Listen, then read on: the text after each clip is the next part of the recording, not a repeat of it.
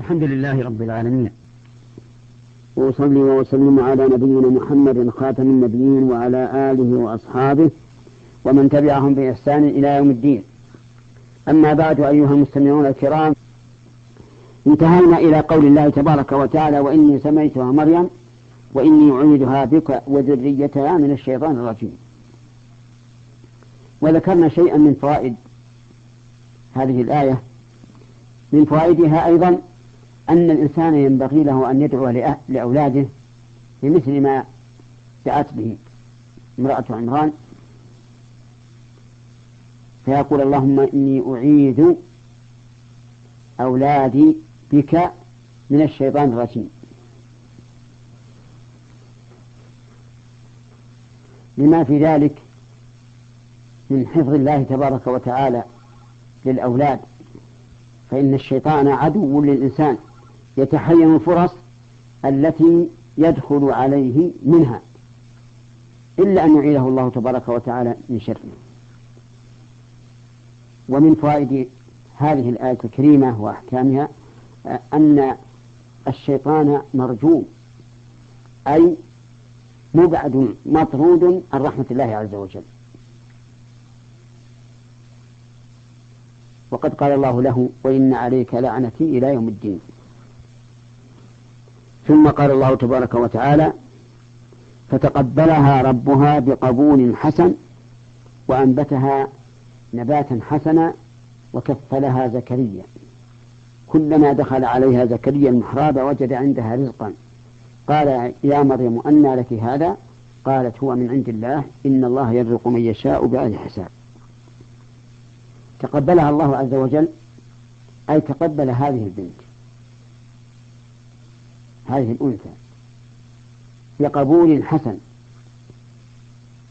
فأسبغ عليها النعم وأعادها من الشيطان الرجيم ويسر لها زكريا كافلا لها أي ضاما لها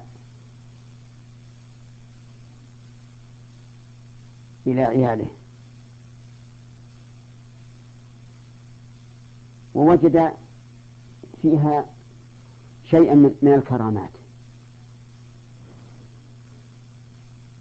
كلما دخل عليها زكريا المحراب والمحراب هو موضع صلاتها قالت وجد عندها رزقا أي طعاما.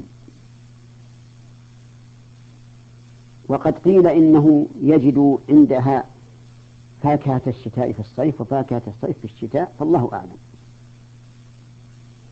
لكن مهما كان هذا الرزق الذي يأتيها وهي امرأة في محرابها من أين لها هذا؟ فيقول أين لك هذا؟ أي من أين لك هذا؟ قالت هو من عند الله.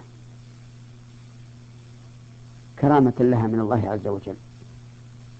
ييسر الله لها هذا الرزق الذي أسبابه المعتادة غير معلومة.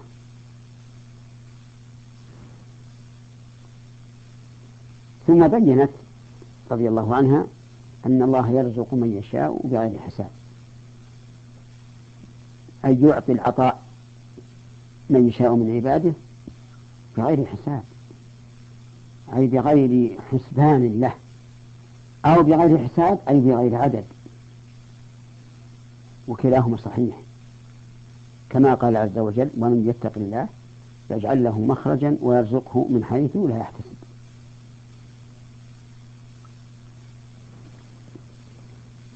في الآية في الآية الكريمة من الفوائد والأحكام استجابة الله تبارك وتعالى للدعاء.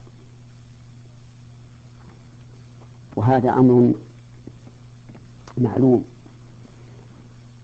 وذلك من العلم بكرم الله عز وجل وفضله وإحسانه. فهو المتفضل على عباده ولم نأمرهم بالدعاء إلا ليجيبهم إذا تمت شروط الإجابة.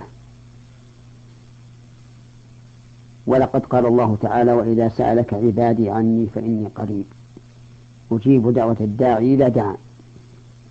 فليستجيبوا لي وليؤمنوا بي لعلهم يرشدون. وقال تعالى وقال ربكم ادعوني أستجب لكم. إن الذين يستكبرون عن عبادتي سيدخلون جهنم داخلين.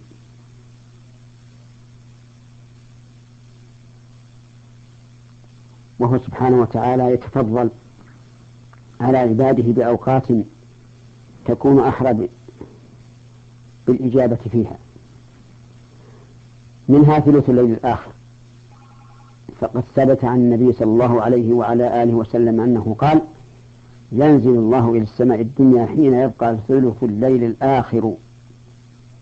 فيقول من يدعوني فأستجيب له من يسألني فأعطيه من يستغفرني فأغفر له حتى يطلع الفجر. ومنها حال السجود. فقد قال النبي صلى الله عليه وسلم وأما السجود فاجتهدوا في الدعاء فقمن أن يستجاب لكم. وقال صلى الله عليه وعلى آله وسلم أقرب ما يكون العبد من ربه وهو ساجد. ومنها الدعاء بين الأذان والإقامة.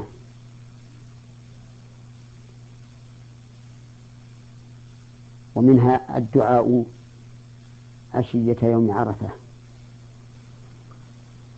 إلى غير ذلك من مواطن الدعاء أمكنة وأزمنة. فعليك يا أخي بدعاء الله عز وجل. ألح عليه في الدعاء. وكن حال دعائك ناظرا إلى فضله وإحسانه. لا إلى ذنوبك. حتى لا تقنط من رحمة الله عز وجل. ادعو الله دعاء مفتقر. لمن هو مستغن عنك. ادعو الله تعالى وأنت راج محسن للظن بربك. فإن الله تعالى عند ظن عبده به. ولا تدعو بإثم ولا بقطيعة رحم. ومنها الإشادة بفضل من أنبته الله نباتا حسنا أي شب على شباب حسن.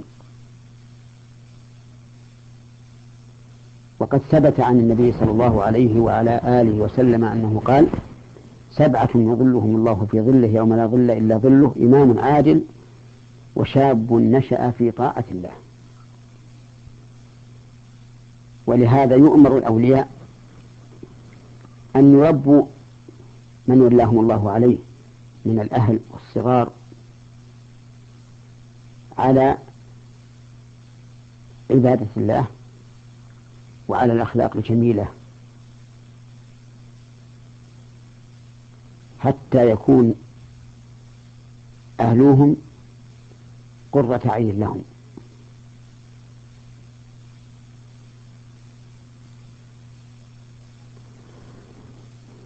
والغالب أن من ضيع حق الله في أهله ضيع أهله حق الله فيه. فالجزاء من جنس العمل.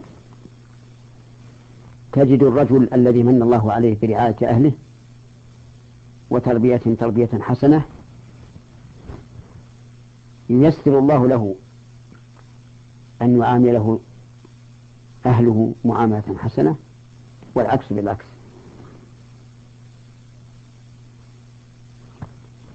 ومنها أن من نعمة الله على العبد أن ييسر له من يكفله من الصالحين. لقوله تعالى لقوله تعالى وكفلها زكريا وهو أحد الأنبياء الكرام.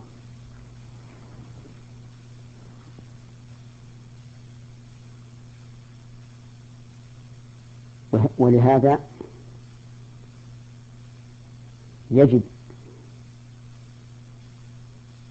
أن تكون حضانة الصبي من ذكر أو أنثى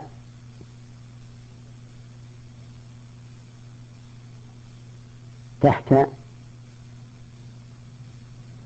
صالح من عباد الله. فلا حضانة لفاسق ولا لكافر على مسلم. فإذا قدر أن رجلا طلق زوجته وله منها أولاد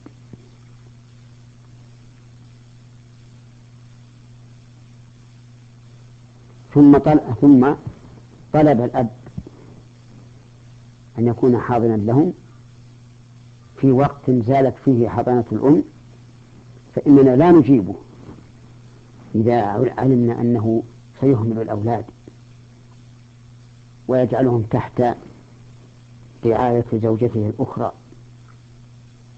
التي هي ضرة أمهم.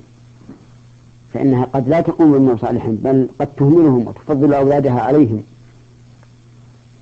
فيفقدون الرعاية رعاية الأمومة. ولهذا قال أهل العلم إن المحظون لا يقر بيد من لا يصونه ولا يصلحه.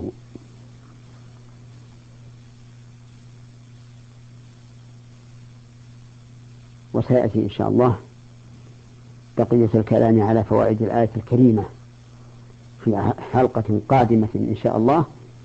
والسلام عليكم ورحمة الله وبركاته.